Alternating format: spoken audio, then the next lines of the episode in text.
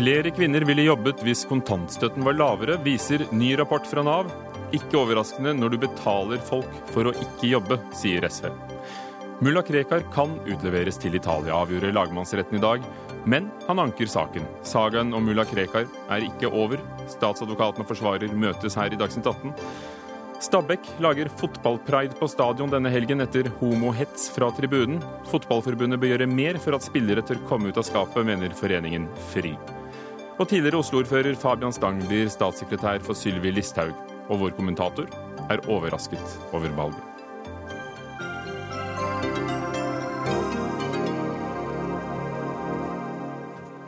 Velkommen til Dagsnytt 18. Kontantstøtten er negativ for kvinners sysselsetting, og særlig for dem med lav inntekt. Det gjelder spesielt kvinner med innvandringsbakgrunn. Dette er grovt sett konklusjonen i en rapport fra Nav. I 2014 økte nemlig regjeringen, sammen med Kristelig Folkeparti og Venstre, kontantstøtten betydelig. Og var det ikke det vi sa, sier venstresiden nå. Før vi slipper politikerne løs. Yngvar Aasholt, kunnskapsdirektør i Nav. Dagsavisen skriver om eh, rapporten din i dag. Hva har økningen av kontantstøtten ført til, ifølge det du har funnet ut?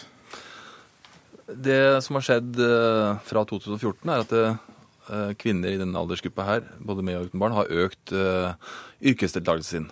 Men økningen i kontantstøtte har medført at de som har rett på kontantstøtte, er mulighet til å ta det ut, de har hatt en lavere vekst i sysselsettingen enn andre grupper.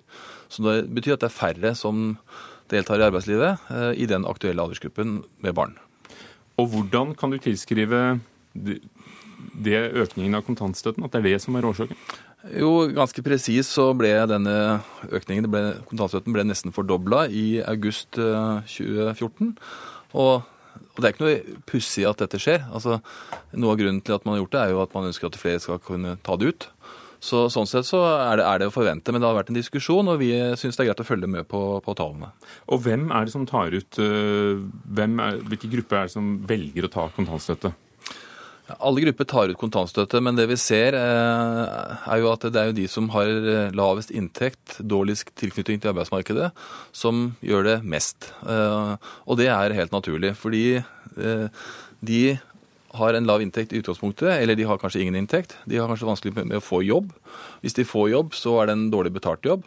Og da er 6000 kroner i kontantstøtte og sparte barnehageutgifter eh, en ganske gunstig sammenligna med det å få en jobb. Men har du en bedre betalt jobb å gå til, så framstår kontantstøtten som mindre attraktiv, og dermed er det færre som gjør det der.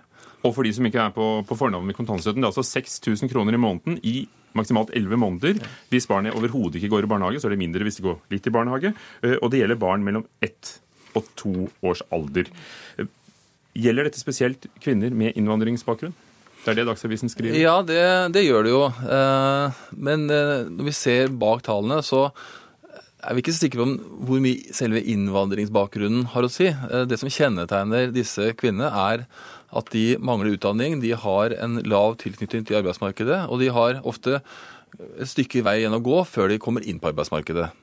Så det er mer kanskje at det er personer som Og, det, og dette gjelder også norske borgere. Er det noen forskjell på, på menn og kvinner? Ja, denne, ja. Denne, denne, denne, nedgangen i sysselsetting, effekten vi har funnet, da, den gjelder kun kvinner. Mennene ser ikke ut til å påvirke at kontantstøtten har økt i det hele tatt. Hvorfor? Nei, det er vel at uh, i, i, i, i, og med at dette her er grupper som uh, ofte har lav inntekt, så er jo ofte, i hvert fall den som har, har uh, jobb, er jo ofte mannen. og vi vet også at i den aldersgruppa det er snakk om her, så er det vanligst at kvinner er hjemme. Det er også menn som tar ut kontantstøtte, men de er ikke påvirka av denne endringen. Kirsti Bergstø, stortingsrepresentant for SV. Denne rapporten viser vel da at regjeringen har lykkes i, i sin politikk? Ja, Det viser hvor smal valgfrihet regjeringa gir folk. Eh, fordi det viser at folk med lav inntekt med løs tilknytning til arbeidslivet også tar eh, de, eh, de valgene. Og Det er jo dem som har mest utsatt for å ramle utafor, og som også har størst behov for å få begge beina trygt plassert i arbeidslivet eh, som, eh, som, taper mest på lang sikt eh, på å ha kontantstøtte, men som likevel velger det på kort sikt. Det er jo en kjent sak at eh, dere i SV sammen med flere andre partier på venstresiden er, er imot kontantstøtten. Eh, er det sånn at du, du nå kan si hva, hva var det vi sa? Ja, dessverre kan jeg det. Og selv om, selv om kontantstøtta er mindre populær og mindre brukt, rett og slett fordi færre har behov for den, eh, fordi at eh, vi har klart å få bygd ut nok barnehageplasser i dette landet, eh, så er det sånn at dem som bruker kontantstøtta, i stor grad taper på det. Der ser vi at de som virkelig skulle trengt en fastere tilknytning til arbeidslivet, får en løsere tilknytning. Vi ser at de ungene som virkelig skulle trengt den språkopplæringa man får i barnehagen, mister det. Og vi ser at likestillinga eh, blir eh, trua. Og hvis du tenker på at Med regjeringas politikk så vil en barnehageplass neste år koste 30 000 kroner. Og Det du sparer på ikke å ha ungen i barnehagen, pluss det du får i kontantstøtte, det blir nesten 100 000 kroner. Og Hvis du da tenker på at minstelønna for en assistent eh, på et kommersielt sykehjem f.eks. er 250 000 kroner, og at veldig mange av de vi snakker om nå, de jobber eh, deltid, de er ringevikarer, de har en løs tilknytning til et arbeid. Så da gir valget seg selv? Lav, valget Jeg avbryter deg litt her, eh, Kirsti Bergstø. På den måten så får folk med få alternative valget et dårlig valg. Geir Jørgen Bekkevold. Har dette vært en suksess fordi folk velger å bruke den støtten dere var med å øke, eller eh, er det en fiasko? Viser at det ikke trengtes å øke kontantstøtten når du ser utslagene? Jo, jeg mener at vi trengte å øke kontantstøtten for å gjøre det mer relevant for flere. Eh, og jeg tror det var 41% av alle eh, foreldre som benyttet seg av kontantstøtten i 2015. Og da snakker vi ikke bare om lavinntektsgrupper. Kontantstøtten den er populær. Eh, det er mange foreldre som, eh, som, eh, som, benytter seg av den. Fordi at den gir en mulighet til å være noe lenger hjemme med barnet eh, som familie. Eh, før de benytter seg av barnehage. Og jeg vil understreke det som programlederen også sa. Kontantstøtten er fra ett til to år. Eh, den er ikke til barnet er ferdig konfirmert. Uh, og så syns jeg det er interessant det som også denne rapporten slår fast. fordi at uh, i, over tid nå så har man gjerne skjøvet innvandrerforeldre uh, foran seg og sagt kontantstøtten den hindrer integrering. Men det viser seg jo ifølge denne rapporten at selv om vi hadde den økningen til 6000 kroner i måneden, så er det ikke noen signifikante tall som viser at innvandrerkvinner eller innvandrerforeldre bruker det mer enn norske foreldre. Um, og så tenker jeg at Man skal ikke bli overrasket over at uh, sysselsetningen går noe ned uh, hos de som velger kontantstøtte. Det er jo liksom Hele poenget med kontantstøtten det er jo at den skal gi det, dem mulighet. Dette er en suksess?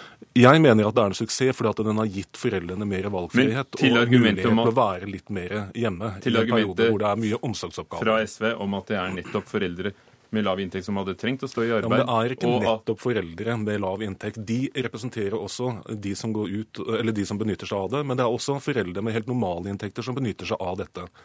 Og så må vi huske på at eh, Kanskje bruker noen av disse foreldrene eh, kontantstøtten i en periode hvor de venter på barnehageplass. Ennå så er det ikke sånn at vi har et løpende opptak i barnehagene. Så årsaken til at man benytter seg av kontantstøtten kan være veldig forskjellig.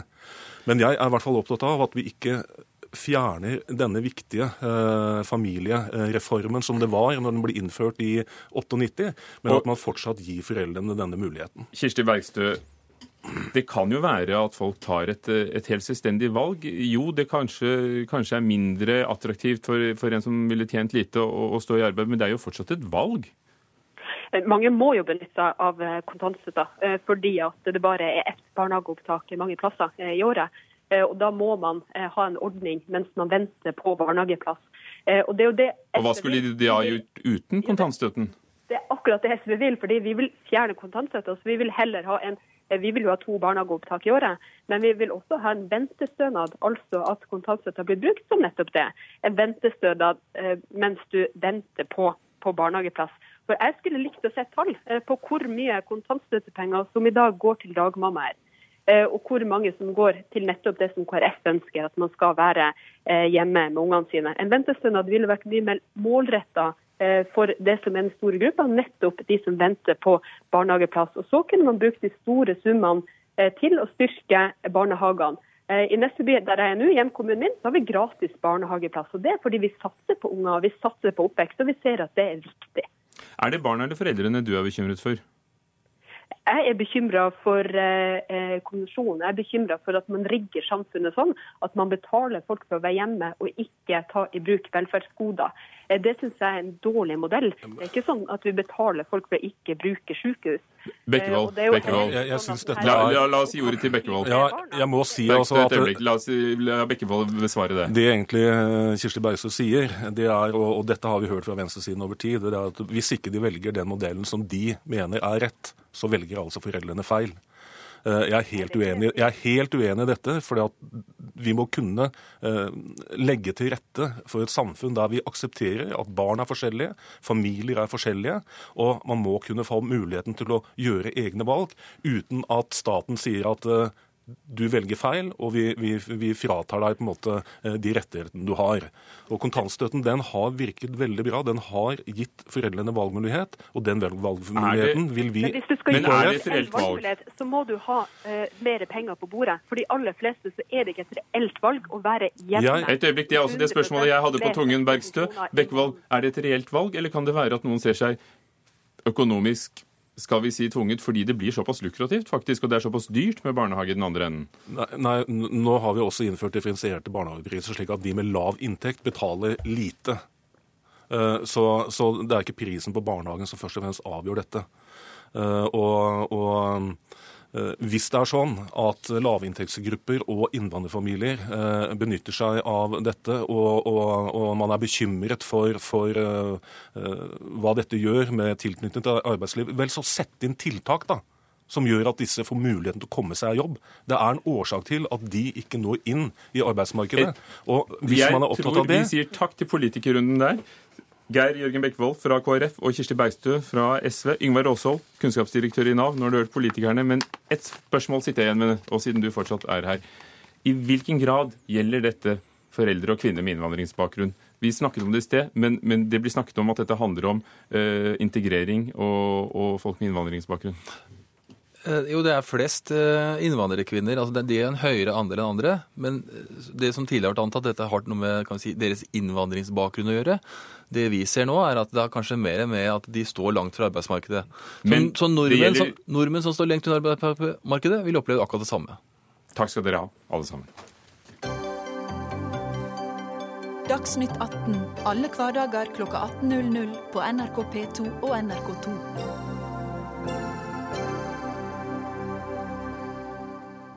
Najumuddin Faraj Ahmad, kjent som mulla Krekar, kan utleveres til Italia ifølge dommerne i Borgarting lagmannsrett. Det kunngjorde de i dag. Italienske myndigheter hevder at Krekar leder terrornettverket Ravti Sjaks og har krevd ham utlevert. Dermed har statsadvokaten fått medhold i to rettsinstanser, men Krekar anker saken videre til Høyesterett, og om nødvendig lenger, ifølge hans forsvarer. Men først, Marit Bakkevik, statsadvokat, er du fornøyd over dagens kjennelse? Ja, jeg kan ikke si annet. Vi har eh, Lagmannsretten bygger videre på tingrettens avgjørelse, og de har begge instanser har foretatt en svært grundig vurdering, og er enig i det som, slik som vi fremmet saken på vegne av Italia. Og saken gjelder altså Krekar og en medsiktet eh, irakisk eh, mann. Hva har retten eh, lagt til grunn? Retten legger jo til grunn at de bevis som eh, er skissert i de italienske kjennelsene, gir skjellig grunn til mistanke for det de er siktet for. Og så har de også funnet de andre vilkårene i eh, utleveringsloven oppfylt. Brynja Meling, kjent forsvarsadvokat og advokaten til eh, Ahmad. Ventet du dette utfallet? Eh, Jeg lar meg aldri på en måte i forkant overbevist om verken det ene eller det andre utfallet. Eh, Men ingenting overrasker meg. Eh, Jeg skulle gjerne likt hva Marit Bakkevig mente med at dette var en grundig avgjørelse. Eh, Så lenge Marit Bakkevig og påtalemyndigheten aktivt har motarbeidet at retten skal få tilgang til bevis som de sitter på, eh, så er det ikke nok den grundigheten hun er etter. Tvert imot så ønsker hun en overfladisk behandling for å vise eh, og skjule at de ikke har noen sak mot mulla Krekar. Marit Bakkevig har som statsadvokat eh, hatt kunnskap om og kjennskap til dette stoffet gjennom den prosessen hun ledet som endte med frifinnelse for terror i, i desember 2012. Eh, Det er ikke noe nytt. Han har sittet i et norsk fengsel etter den tid. Det er ikke kommet noe nytt til. Da er det veldig bekvemt for Marit Bakkevig og statsadvokatembetet at italienerne overtar den skittentøyvasken som hun ikke klarte å få til i borgerting lagmannsrett. Eh, Hun skal straks få svare på det du da indirekte spurte om der. Men eh, Meling, hvordan vil du karakterisere det arbeidet lagmannsretten har gjort? Overfladisk, slett og med en vilje til å få mulla Krekar ut av landet som styrende faktor, og ikke som en, eh, en, en prosess som er basert på rettssikkerhet og grundighet. Marit eh, Bakkevik, har du motarbeidet, som Meling hevder, eh, innsikt i, i saksopplysninger? Der er vi nok grunnleggende uenige, han og jeg. Men det som er, eh, slik som påtalemyndigheten ser det, så, så foreligger det et svært omfattende bevismateriale i Italia. Og det som har skjedd der, er at italienske domstoler har vurdert dette og skrevet en omfattende kjennelse. Og det er den vurderingen i kjennelsene der som domstolene her bygger på. Så du har ikke motarbeidet at de skal få tilgang til noe, mener du? Jo, vi har sagt at vi kan ikke se det er nødvendig å innhente grunnlagsmateriale. Vi mener at det er forsvarlig på dette tidspunkt å bygge på den vurderingen som er gjort i de italienske domstolene. Brynja Meling, hvis dommerne følte at det var nødvendig, så hadde de vel krevd å få se det? Det burde de ha gjort hvis de hadde gjort jobben sin. Eh, Marit Bakkevik sier at det er en grundig vurdering av eh, de italienske myndighetene. Nå er det sånn at Mulla Krekar har ikke hatt noen forsvarer i Italia. Han har hatt oppnevnt en som ikke har jobbet fordi han ikke har fått betalt. Og fram til jeg utifra, eller vårt firma betalte henne for å få tak i lydfilene, så hadde hun ikke gjort ett slag for Mulla Krekar. Når hun da fikk lydfilene etter at hun hadde fått betaling fra oss, så sier hun dette er første gang som 20 år som advokat i Italia at hun har oppdaget at de ikke har oversatt lydfiler men kun korte summariske gjengivelser. Og Det er dette materialet som man da sier er et grundig gjennomgang. Eh, og det er materialet som norske PST har tatt opp, som de har sittet på hele tiden. Og som norske uavhengige tolker burde og kunne fått gjennomgå og, og, og, direkte overfor den dømmende rett. Eh, og da, eller den rett som skal prøve utleveringsvilkårene. Og Da er det viktig å merke seg at det var to punkter Oslo tingrett kunne prøve dette på. eh, hvor vi hadde bevis på hva som egentlig var blitt sagt. Og begge gangene var det blitt tolket feil i det italienske materialet. Og Det er dette Marit Bakkevik sier er en grundig avgjørelse, og det er dette hun motarbeider, at retten skal få tilgang til de direkte bevisene. Er det derfor eh, du vil anke saken? Fordi dette var jo en skriftlig behandling. Er det dette du ville stått og, og prosedert på i, i, retten? Er det dette som krever en, ja, en real diskusjon, da? Hadde retten fått høre de bevisene, eller mangelen på bevis her, så hadde det nesten ikke vært nødvendig å prosedere engang. Eh, og det er veldig påfallende at lagmannsretten, eh, etter at de da har bestemt seg for en skriftlig behandling, og jeg da i et prosesskrift i går ber om at jeg får en uke til til å oversende materialet eh, med egen oversettelse som vi skulle betale for, at lagmannsretten bestemmer seg for at de eh, vil ta avgjørelsen i dag. De ville altså ikke høre dette her, og da kan man spørre hvilken vilje de har hatt til å opplyse saken. Marit eh, Bakkevik, har det vært forhold, f.eks. For dem eh, Melding nevner, som ville talt mot en utlevering? Ikke som vi kan se. Altså, det er jo mye mer enn det materialet som, som er avlyttet her oppe i Norge, som PST har hatt tilgang til. Men Bestrider du de, de saksforholdene som, som Melding fortalte om her? Jeg vet at de har på, påpekt i tingretten to, to uh, oversettelsesfeil, sier de. Dette har tingretten vurdert og funnet at det allikevel var grunnlag for den avgjørelsen de kom til. Og, og du og statsadvokatembetet mener at det er forsvarlig at, uh, at det arbeidet Italia har gjort? Det er et kolossalt etterforskningsmateriale som, som, foreligger der. Og jeg kan ikke se at uh, Bakkevig være konkret på hvilke etterforskning italienerne har gjort som knytter mulla Krekar til dette italienske nettverket. Det, det, det er jeg vet ikke om vi kan gå inn i Selve saken der, Brynja Meling, har lyst til å spørre deg. Du, mener, du og, og, Ahmad mener selvfølgelig at han er uskyldig også i, i denne italienske uh, etterforskningen, ikke sant? Det stemmer. Hvis han er uskyldig, og, og, selv om de nå ikke hadde oversatt alt materialet, stoler du ikke på at Italia som rettsstat ville behandlet den saken på en helt forsvarlig måte? Det kan se ut som Italia som rettsstat har langt bedre rettssikkerhetsprinsipper enn Norge som rettsstat har. Problemet er at mulla Krekar er utvist fra Norge. Problemet er at Norge ikke har gitt noen garanti at ved en frifinnende dom i Italia, så tar de mulla Krekar tilbake igjen. Eh, det har vi bedt om, og det har vi ennå ikke fått. Og dette er ikke vurdert verken av tingretten eller lagmannsretten. Dette er noe som de bare eh, slår et pennestrek over uten å gå inn og vurdere det. Og denne saken vil du handle anke om nødvendig helt i Menneskerettighetsdomstolen i Strasbourg? Denne saken, Jeg har jobbet med den i 16 år, og jeg kommer til å jobbe med den i 16 år til. Der skjønner vi at her er dere uenige. Takk skal dere ha. Brynja Meling, advokaten til Najamuddin Farah Ahmad, og Marit Bakkevik, statsadvokat. Olav Rønneberg, krimkommentator i NRK. Du har arbeidet med denne saken omtrent like, like lenge som advokaten her. Kan du oppsummere litt for oss? Hva handler det om? Dette er jo nok et kapittel da, i historien om mulla Krekar. Han ble jo utlevert fra Nederland i 2003 og havnet da på norsk jord. Siden den gang så har det vært utallige rettssaker både innenfor strafferettssporet og innenfor utvisningssporet. Han har jo en utvisningsvedtak på seg allerede fra 2003. Eh, men så har denne saken gått sin gang, og man har ikke kunnet utvise han gitt forholdene i Irak. I mellomtiden er han også dømt for trusler bl.a. mot Erna Solberg, en straff som er sonet. Eh, Det siste kapittelet nå var i mars i år år da han ble frifunnet av Borgarting lagmannsrett i en annen trusselsak. Også tilkjent, eh, eller Sannsynligvis vil han iallfall bli tilkjent erstatning i den saken. Så eh, dette har gått sin gang i mange år. Men det begynte altså med at han ble utlevert fra Nederland til Norge på det, begynnelsen av 2000-tallet. Hvorfor, hvorfor, ville vi ha ham her da? Eh, han ble utlevert eh, fra Nederland til Norge, eh, og da ble han etterforsket av Økokrim og var siktet for terrorvirksomhet den gang. Den saken rant senere bort. Da. Det paradoksale er jo at den gangen så var man så redde for at Krekar skulle forlate landet, at man gikk til retten og begjærte at passet hans skulle beslaglegges, slik at han måtte holdes i landet. Nå er jo situasjonen en, en litt annen. Dette er en komplisert sak for norske myndigheter. og Siste kapittel er ikke skrevet her. Men er det en juridisk sak eller en politisk sak? Meldinga har kalt dette et politisk spill ved flere anledninger. Dette er jo begge deler. Eh, vi har jo hentydninger her om også avsløringer her i NRK om at statssekretærer i Justisdepartementet har vært i Italia og hatt samtaler med politiske myndigheter, samtidig som denne saken har gått sin gang juridisk. Men i all hovedsak har den gått sin gang i, i jussporet. Nå er det da opp til Høyesterett. Får vi se hva de kommer til hva angår denne saksbehandlingen. Eh, og hva skjer nå? Nå skal Høyesterett eh, behandle saken, men de skal kun behandle lagmannsrettens kjennelse, om den var korrekt, om lagmannsretten har behandlet saken på en korrekt måte. Hvis de kommer til at de ikke har gjort det, så skal jo saken tilbake til lagmannsretten. I motsatt fall så skal saken til Justisdepartementet. Det er de som skal beslutte en utlevering. Eh, og så skal den igjen da ankes til Kongen i statsråd og regjeringen. Så her vil det gå godt over jul, og sannsynligvis en gang i løpet av neste halvår før dette er avklart. Men sett om han ble utlevert til Italia, ble frikjent i den saken, hva da? Det er jo det store spørsmålet. Men det er klart at Justisdepartementet, hvis de beslutter en utlevering, kan jo legge inn vilkår om at han f.eks. ikke skal eh, sendes videre til et annet land. Det kan man uansett heller ikke gjøre uten samtykke fra, fra Norge. Eh, men man kan jo legge inn et vilkår om at han skal sendes tilbake hit. Dette er nok en nøtt også for politikerne og for byråkraten i Justisdepartementet, akkurat som det er en krevende sak for juristene.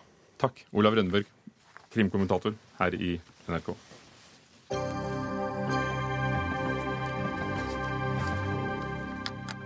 Den eh, filippinske presidenten Rodrigo Duterte kunngjorde i går at han ville kutte alle forbindelser med USA.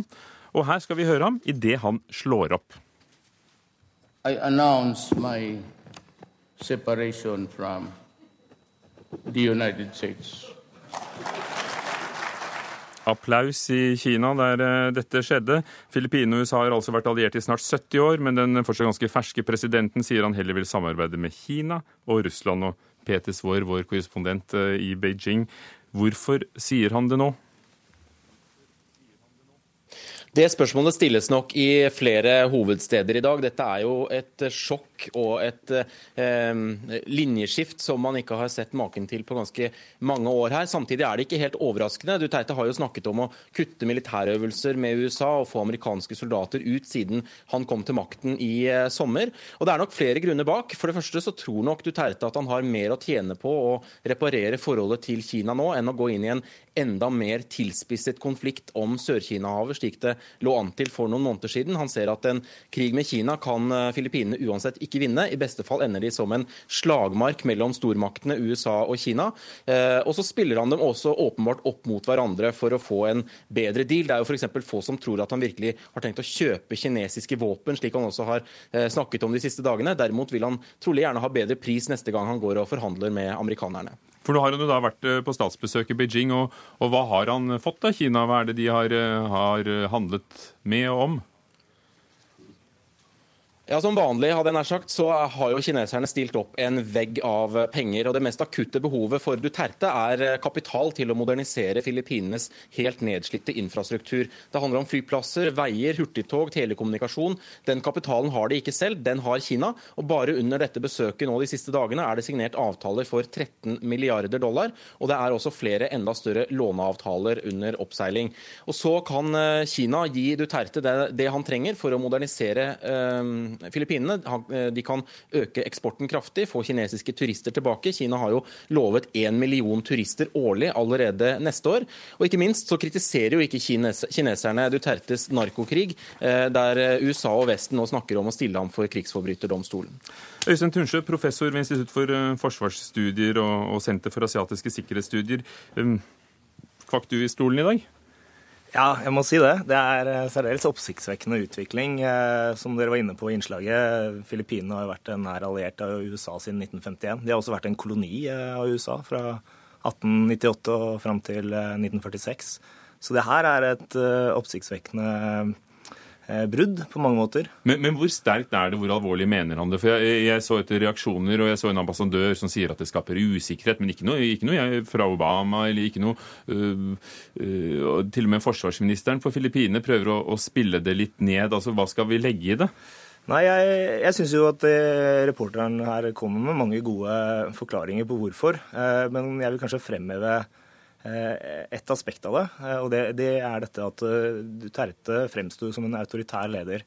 Og, og, det gjør han både i innenrikspolitikken og i, i, utenrikspolitikken. Så han på en måte allierer seg her med kineserne, men i uttalelsen hans i Beijing så pekte han også på Russland, og at disse autoritære landene skulle stå sammen. Og Hvis det er en ideologi som han forfekter, så må han også ta avstand med amerikanerne.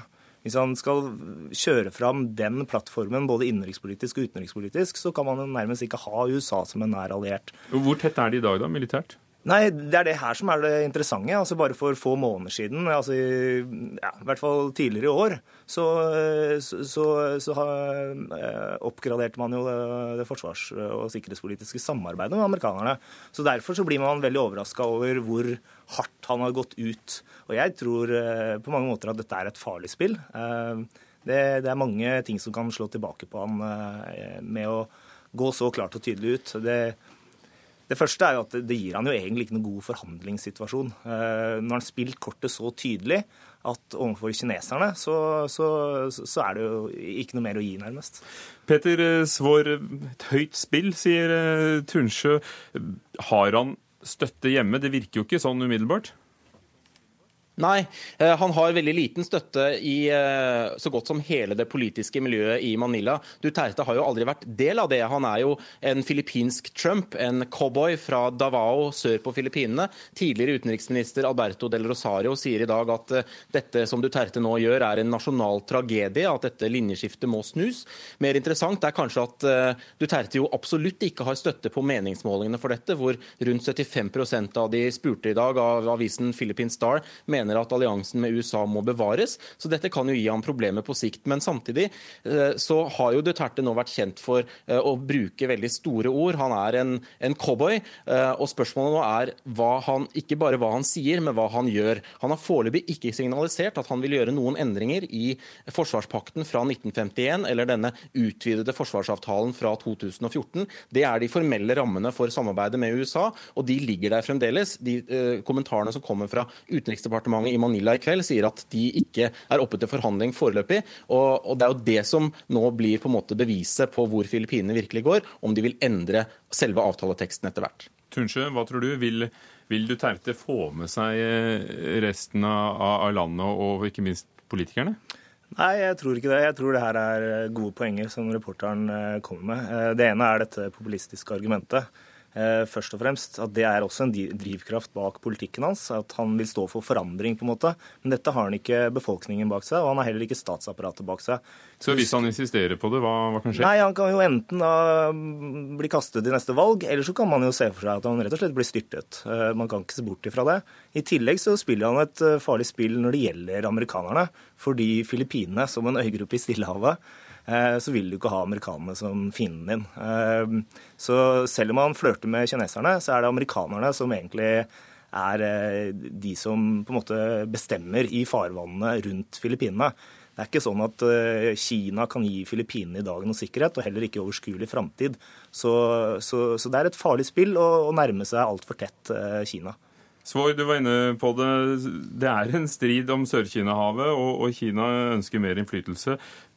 Hvordan vil den påvirke, påvirke denne maktkampen?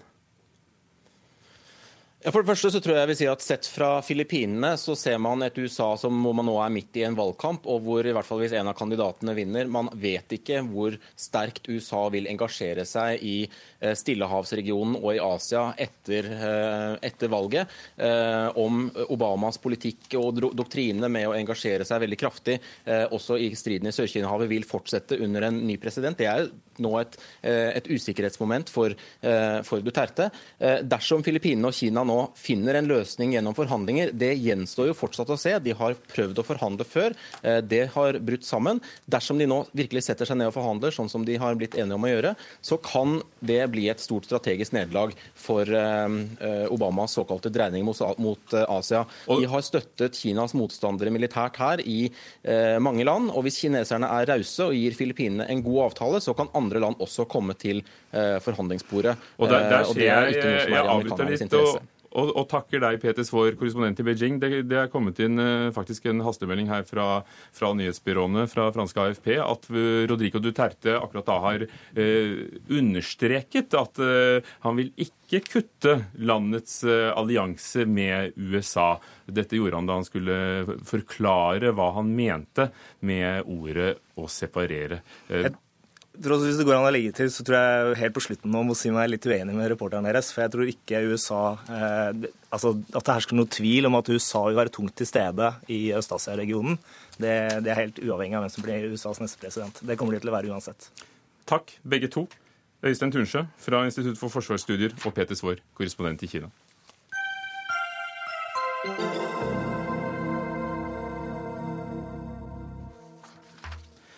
Skal handle om fotball. I morgen spiller Stabæk en uh, viktig kamp mot Sarpsborg 08. Hjemmelaget slåss for å unngå nedrykk. Men ifølge Friforeningen for kjønns- og seksualitetsmangfold foregår den viktigste kampen ikke på banen, men utenfor banen. Og i samarbeid med Bærumsklubben arrangerer de verdens første fotballpride. Inge André Olsen, sportssjef uh, i Stabæk fotball, tidligere toppspiller. Hvorfor har dere villet lage fotballpride?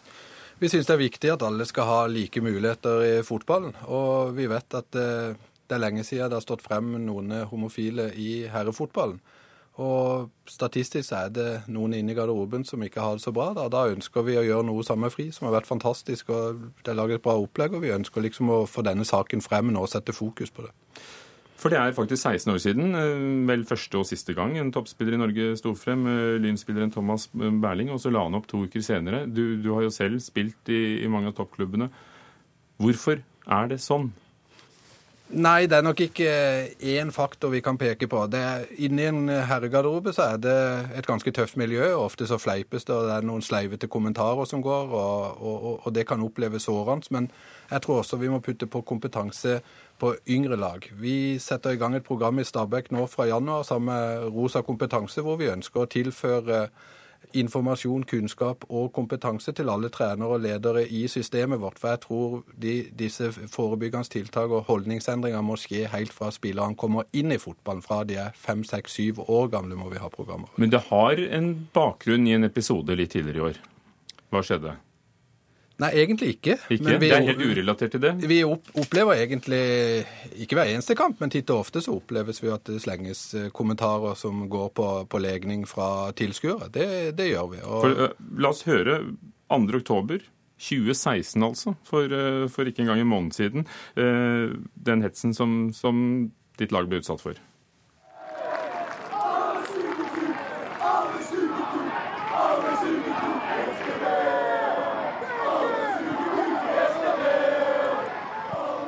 Det var i en kamp eh, mot Lillestrøm.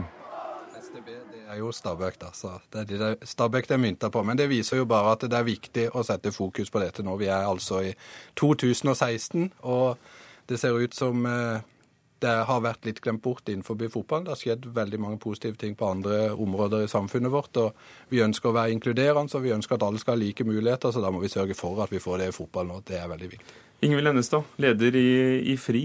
Hvordan eh, skal det se ut på Stabæk stadion i morgen, altså på Nadderud stadion, som er Stabæks hjemmebane i morgen? Det skal, først så skal vi være på supporterklubben eh, Onkel Blå. Med eh, samtale og med musikk og med å gire oss opp.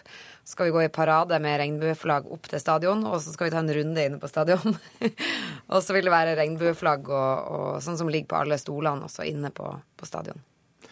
Har du en forklaring på hvorfor det tydeligvis er vanskelig, og kanskje enda vanskeligere for mennene, for kvinnene i idretten, å stå frem? Ja, jeg tror, nok, eh, jeg tror nok eh, at man er inne på noe når man snakker om den garderobekulturen. Det er nok ikke like ille som Donald Trump snakker om locker room talk, men det er noe inne på at det er en viss måte man kan snakke om homofile og om kvinner på. Eh, og det er et type miljø som, som man er nødt til å jobbe med. Og jeg tror eh, at en av grunnene til at man ikke har kommet lenger i fotballen, er fordi bl.a. Eh, NFF, altså Norges Fotballforbund, ikke har tatt tak i det. Det har vært mange ildsjeler tidligere som har ønska innenfor klubbene, og også fra vår bevegelse, uten at det har blitt fulgt opp. Og man trenger tydelige ledere som sier ifra, og som jobber med det, og som sier at man ønsker en annen type kultur. Eh, og der går jo Stabæk veldig fint foran. Ragnhild Mistad, du er nettopp rådgiver i inkluderings- og internasjonalt uh, samarbeid i Norges Fotballforbund. Er, er, dere bakpå? Vi er bakpå, det, det håper jeg endelig ikke. Uh, og, men uh, det er klart at det, det er mye som, som, sikkert NFF kunne gjort mer av og vært bedre på. Men nå føler vi at vi er i en, en, god prosess, der vi har invitert inn FRI til, til et samarbeid. Og der det skjer ganske mye på det området. Eh, sånn Men hva har dere gjort da for å, å, å motarbeide homohets, og kanskje fremelske et miljø hvor det ikke er noe farlig å, å være den du er? Altså, NFF har nulltoleranse for homohets, eh, og i budskapet er det krystallklart. Alle skal være med, og alle er velkommen. Ingen skal diskrimineres i, i fotballen. Eh, sånn at Det er ikke tvil om hva NFF mener om den saken. Men hvordan få det frem? Helt frem til, ja. til dusjen? Ja, Det som jeg kan si, da, det er jo at Forbundstinget laga jo også et vedtak her eh, der eh, altså lovverket nå sier at en gutt som føler seg som jente, skal få lov til å spille på, eh, på jentelaget før, altså før kjønnsskiftet er gjennomført. Og så er det også i, i Fair Play-programmet og i kvalitetsgruppe så skal det lages nye verktøy som er bedre på det området. Sånn at Mm. Det er mye vi kunne ha gjort, eh, og vi skal jobbe med det, for å si det sånn. Inge André Olsen, eh, du har altså spilt på Start, Stabæk, Strømsgodset, og nå er du eh, sportssjef i, i Stabæk, aktiv til inntil 2011. Kjenner du selv spillere som ikke, ikke tør å være åpne? Nei, det gjør jeg ikke. Men det har jo, så lenge jeg spilte fotball, så gikk det jo alltid noen rykter om noen uh, spillere som uh, man tenkte kanskje kunne være det. Men uh, jeg kjenner ingen som har kommet til meg og sagt at de, de er homofile. Det gjør jeg ikke. Men du har jo fått med deg hele laget på, på fotballpride på, på stadion i morgen. Da betyr det vel at det, det ikke er så, så mye motstand mot, mot, det? I hvert fall ikke i, i ditt lag? Nei da, Stabæk skal være annerledes. Det er en viktig verdi for oss. og Vi skal være inkluderende. Og det er viktig for oss å, å vise at eh, herrefotballen er åpen for alle. Og at det ikke skal diskrimineres pga. verken hudfarge eller legning. Det er veldig viktig. Og spillerne er positive til og det er dritkult. Kan, det, kan det være snakk om et generasjonsskifte, tror du? Eh, det er klart, jeg tror jo at uh, den eldre generasjonen, ikke fotballspillerne hvis vi går tilbake til de som er 50-60 år, så tror jeg nok at det, vi, vi, møter en del andre fordommer der enn vi gjør på de som er 20-30 i dag. Det tror jeg nok. Inger Lenstad, har FRI, din organisasjon, uh, vært flinke nok til å, til å samarbeide med, med toppidretten? Det vil jeg absolutt si. Eh, det har vært eh, minst ti år Hvor, lenge siden er det dere hadde dialog da med Fotballforbundet? Nei, eh, tilbake, Det er jo nesten ti år siden eh, forrige møte. Eh, og så har det vært ganske vanskelig å få kontakt med, med ledelsen i Norges Fotballforbund. Men du har prøvd, altså? Eh, ja. Altså, Fri har prøvd. Men det skal sies at det, det, virker som vi både tror og håper at det kommer til å være en endring nå. NFF har Eh, sagt ja til å møte oss. Ledelsen har sagt at de skal ta imot eh, skolering fra oss, og jeg tror at vind vinden blåser en litt annen vei. Og så tror jeg kanskje at Stabæk har gått litt foran nå, og at det blir vanskeligere å ikke ta tak i det. Fordi det er absolutt et problem. Og NFF må som alle andre sørge for inkludering også på egen arena. Men kanskje det ikke er så mange homofile fotballspillere i herrefotballen? Kanskje de legger opp før? Ja, og, det er jo derfor vi ser for oss at vi må sette i gang kompetanseheving helt til de yngste. De trenerne og lederne som har med de, altså At vi får vekk en del fordommer og kanskje disse her kommentarene som da blir opplevd som veldig sårende. men, men tror du det at du kanskje går glipp av noen talenter? Ja, Det vil være rart hvis vi ikke gjør det, syns jeg. Ragnhild Mistad, du, du, jobber jo nettopp med inkludering i, i, Fotballforbundet, men får du gehør i styret? Vi hører jo at det har vært vanskelig for FRI å, å få kontakt? Ja, eh, jeg hører hun sier det. Det jeg kan si er at Vi har allerede hatt et møte med FRI høst. Det er, det er ikke nevnt eh, nå.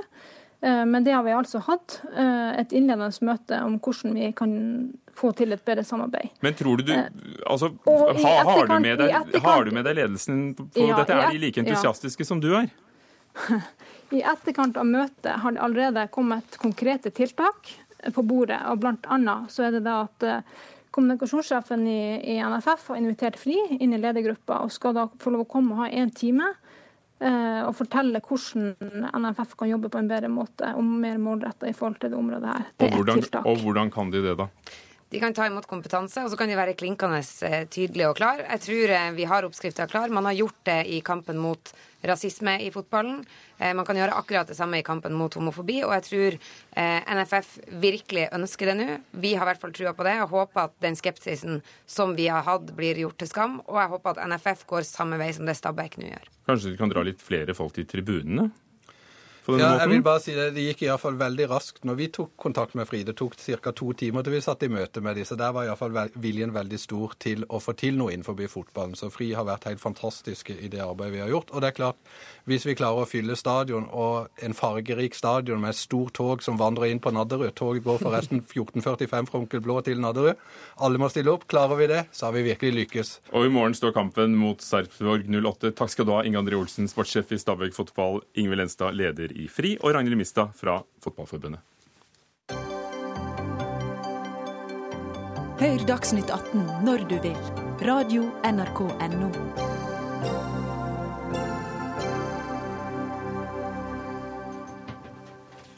Tidligere Oslo-ordfører Fabian Stang blir statssekretær for innvandrings- og integreringsminister Sylvi Listhaug.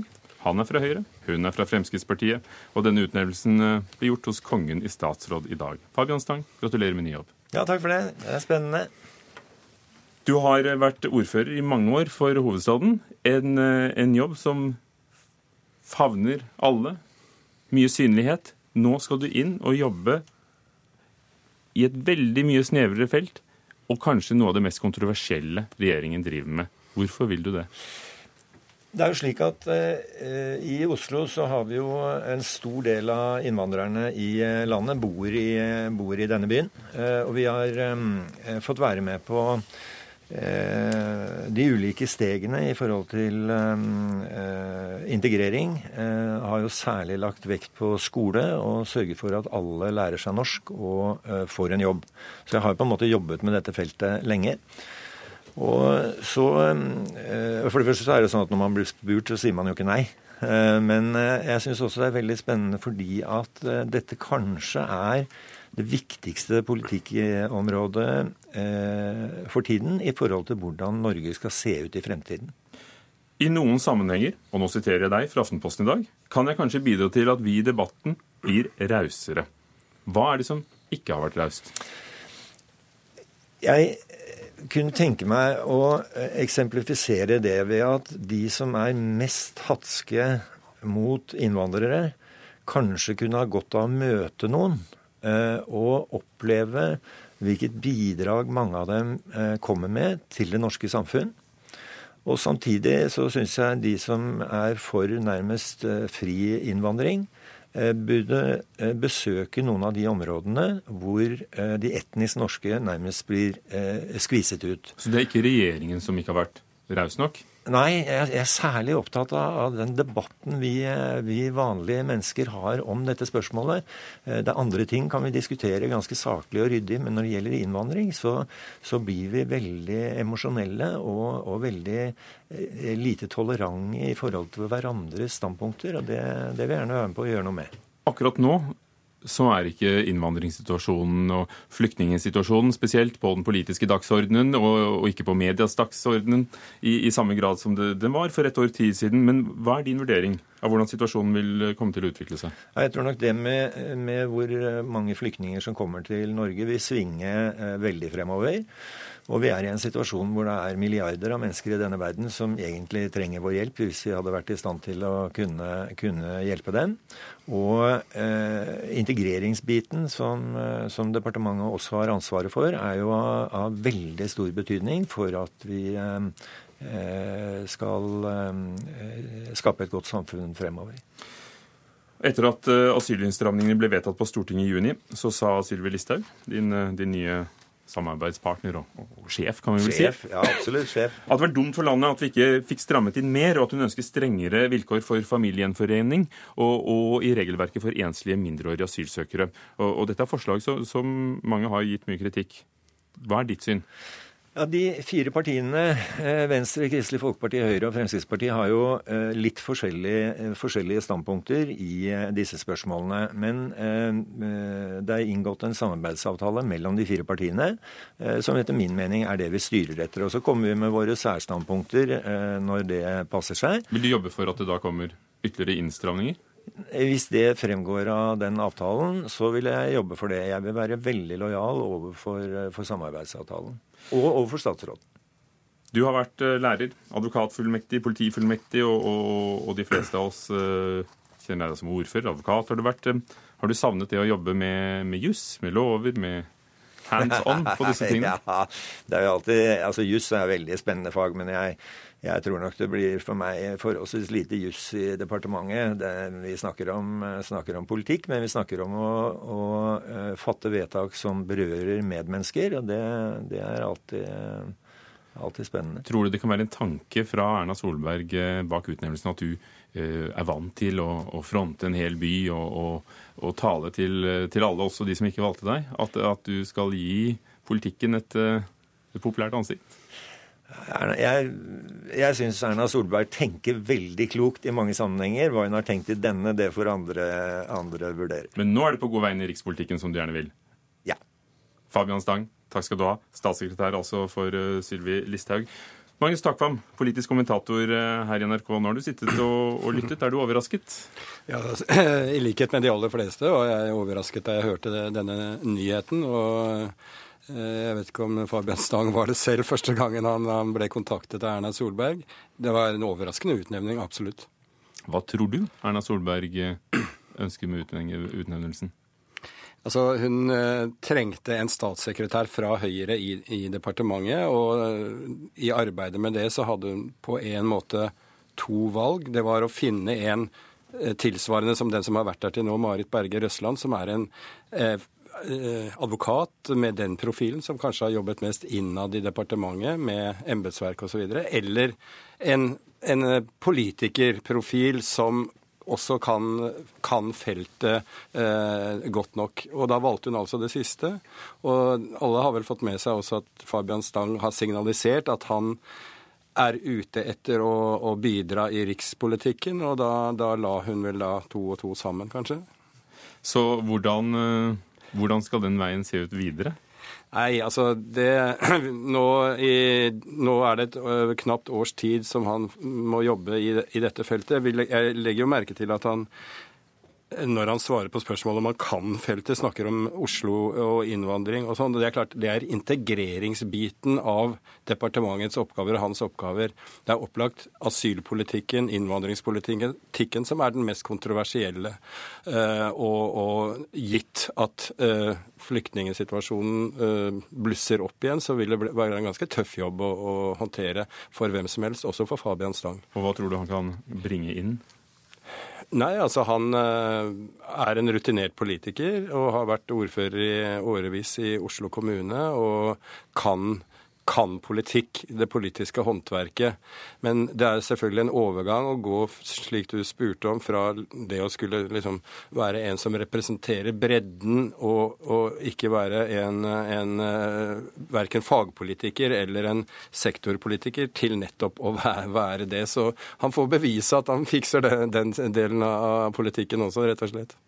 Takk skal du ha. Magnus Takvam, politisk kommentator i NRK.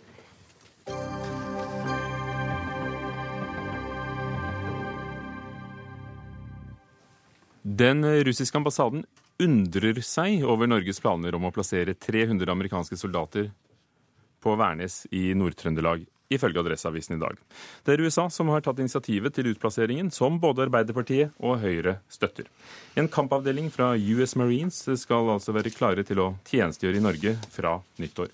Håkon Lunde Saksi, seniorforsker ved Institutt for forsvarsstudier. Hvem er disse 300 soldatene, og hva skal de?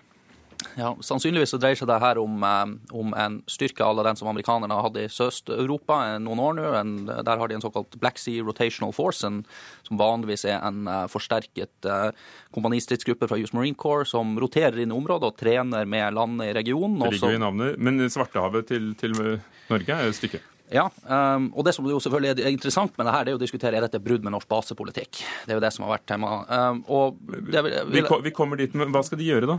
Uh, de skal, uh, Amerikanerne ser dette her i en regional kontekst. De skal ikke være permanent i Norge, men de skal rotere rundt i Nord-Europa trene med USAs allierte og partnere i Nord-Europa for å berolige de allierte og partnerne, og, og forhåpentligvis avskrekke Russland. Og nettopp det. De skal være ved dette forhåndslageret av utstyr som ligger der, klare til å betjene amerikanske og, Nato-soldater. Uh, og det blir lagt nettopp i Nord-Trøndelag den gangen for å ikke ligge i Nord-Norge, for ikke å, å, provosere Sovjetunionen, som det fortsatt var i, i, i 1981. Er det et brudd på basepolitikken? Jeg vil si at det ikke er et brudd på norsk eh, basepolitikk, men det er en kvalitativ ny dimensjon, eventuelt en, en presisering. da, så her er noe vi ikke har sett tidligere. Årsaken til at det ikke er et brudd, det er jo fordi at altså, disse selvpålagte restriksjonene de er jo nettopp unilaterale selvpålagte restriksjoner. Jeg si, Hva er denne basepolitikken, da? Ja, altså Det er jo den erklæringen vi kom med i 1949, før vi gikk inn i Atlanterhavspakten i april, eh, hvor vi sier at vi ikke vil ha permanente baser på, på norsk territorium fra allierte land.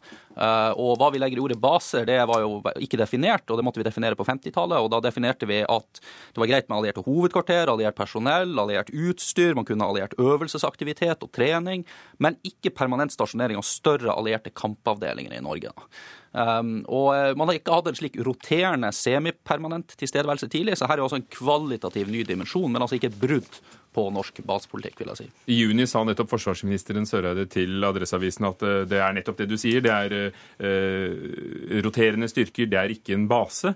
Mens andre politikere har, har, stilt spørsmålstegn ved det. og Denne saken kommer da opp for Stortingets eh, forsvars- og utenrikskomité på mandag, så, det, så da får vi høre hva politikerne vil. Men blir det ikke også litt en lek med ord, da? For det er jo 300 soldater som er der til enhver tid, om de så byttes ut hver sjette måned eller ei? Mm. Altså, jeg tror det er viktig å få fram at dette er en, en, større endring i teorien enn det det er i praksis. For i praksis så har det faktisk vært sånn, i hvert fall siden slutten av 1970-tallet, at i praksis alltid har vært nærmest uh, allierte, større allierte kampavdelinger i Norge som har trent og øvd her. Og på toppen på 1980-tallet så var det altså gjennomsnittlig ca. 10 000 allierte soldater i Norge hvert år som øvde og trente her. Slik at i praksis så har det jo stort sett alltid vært allierte kampavdelinger her. Så det er altså mindre radikalt radikalt endring enn det man kanskje skulle tro. Morten Jentoft, NRKs korrespondent i Russland. Du befinner deg faktisk i Murmansk, hvor det pågår en stor militærøvelse nettopp eh, ikke så langt fra norskegrensen. Kan russere se dette som en provokasjon? Til Adresseavisen i dag sier altså ambassaden i Oslo at, eh, at de undrer seg over, og de, de sier at man har forlatt basepolitikken. Ja, eh, vi kan nok forvente oss eh, den type uttalelser videre fremover også. Nå er jo eh, Russland og russisk utenrikspolitikk akkurat nå opptatt med en del andre viktige ting, som både Ukraina og, Syria. Men jeg tror nok det at russiske myndigheter, det russiske utenriksdepartementet, har notert seg det som nå skjer, og kan nok komme tilbake til denne saken senere hvis de ser seg tjent med, med, med det. Men så langt har det faktisk vært sånn som jeg i hvert fall har registrert relativt få eh, reaksjoner på det som har skjedd. Det har vært registrert så vidt i russisk presse. Eh, vi har fått da denne uttalelsen fra eh, den russiske ambassaden i Oslo da, til Adresseavisen, en relativt forsiktig uttalelse. Jeg tror nok at de russiske reaksjonene vil henge mye sammen med det generelle politiske klimaet, forholdet mellom Norge og Russland generelt, i hvor sterk grad russerne vil på en måte kjøre denne saken fram. Du, du, er jo nettopp nå bivåner denne store øvelsen, og, og, disse soldatene skal jo nettopp være der også i forbindelse med denne store Nato-øvelsen Trident Juncture neste år. Så, eller det skjer i 2018, og med opptil 30 000 soldater. Er det bare en vanlig del av, av, av gamet? Om det så er noen flere i mellomtiden mellom hver øvelse? Det er klart at det som skjer nå, det er en del av den eh, generelle opptrappingen eh, den generelle opptrappingen av den politiske og den militære spenningen som vi ser i norske nærområder. Eh, det at russerne nå øver med denne marinebrigaden, dette marineinfanteriet som Nordflåten har i basen Sputnik i Petsjenga, bare noen titalls kilometer fra grensen mot Norge, det selvfølgelig er rutine. Men samtidig så er det ingen som helst slags tvil om at russerne da øker sin sin militære eh, øvingsaktivitet eh, som et svar på det som de da mener er en opptrapping fra Natos side, mens Nato altså trapper opp da eh, som et svar på det som man mener er en russisk økende militær aktivitet, og bl.a. som en årsak selvfølgelig på, eller som en grunn for det som har skjedd ikke minst i, i Ukraina. Så Saksi, selv om det ikke kommer en mer offisiell reaksjon enn en det ambassaden uttalte til, en avis i Norge, så, så, virker det jo som om kanskje også dette med 300 amerikanske soldater på Værnes vil være en del av den store sammenhengen og, og bidra til uh, å, å, øke spenningen. Um, Russland vil nok helt sikkert ikke være begeistret for dette her, men faktisk så, så kan man nesten være overrasket at ikke reaksjonen har vært sterkere. For under den kalde krigen så var det faktisk slik at Russland av og til oppfattet at de norske uh, selvpålagte restriksjonene var en slags Eh, noe som de hadde en slags medbestemmelsesrett på. Sovjetunionen tenkte at de kunne være med og ha definisjonsmakt over hvordan norske myndigheter skulle fortolke disse selvpålagte restriksjonene. Så de, de, blandet seg nærmest inn og, og, tolket våre egne restriksjoner for oss. Eh, det har man altså foreløpig ikke gjort her, og det er jo i hvert fall oppløftende. Foreløpig er det, dette en sak som eh, komiteen i Stortinget skal orienteres om, men slett ikke noe Stortinget skal stemme om, slik forsvarsministeren har, har lagt opp til. Er det vanlig at dette er en sak som bare avgjøres i de indre gemakker i, i Forsvaret og departementet? Uh, I Norge så har vi tradisjon for at i viktige spørsmål så blir f.eks. en utvidet utenrikskomité orientert, og, og, eh, og, vi har en bred konsensus om norsk forsvars- og sikkerhetspolitikk, så jeg er ganske sikker på at man vil konsultere bredt og, og inkludere mange også utenfor regjeringen i denne beslutninga. Jentoft, er det et tegn på at, at, russerne faktisk ikke lar seg egentlig provosere så mye? At vi ikke hører mer? Tror at vi må se dette i sammenheng med den generelle eh, politiske klimaet. Er Russland tjent med en opptrapping også i forhold til Norge, eller velger man på en måte sine kamper med omhu her? Jeg snakket akkurat eh, i dag med en representant for det norske forsvaret, som eh, også var litt overrasket over at eh, reaksjonene hadde vært såpass spake så langt. Det kan virke som om i alle fall man fra russisk side ønsker ikke å provosere forhold til Norge ytterligere. Vi vet jo det at Norge og Russland har blitt enige bl.a. om denne avtalen om seismikkskyting nær grenselinjen ute i Barentshavet her. Morten Jentoft, jeg må nok provosere deg litt ved å si Takk skal du ha, vår korrespondent på plass i Murmansk. Og takk til Håkon Lunde Saksi, forsker ved Institutt for forsvarsstudier. Det var Dagsnytt 18 for i dag. Fredrik Lauritzen var produsent. Stein Nybakk teknisk ansvarlig. Ugo Fermariello programleder. God helg.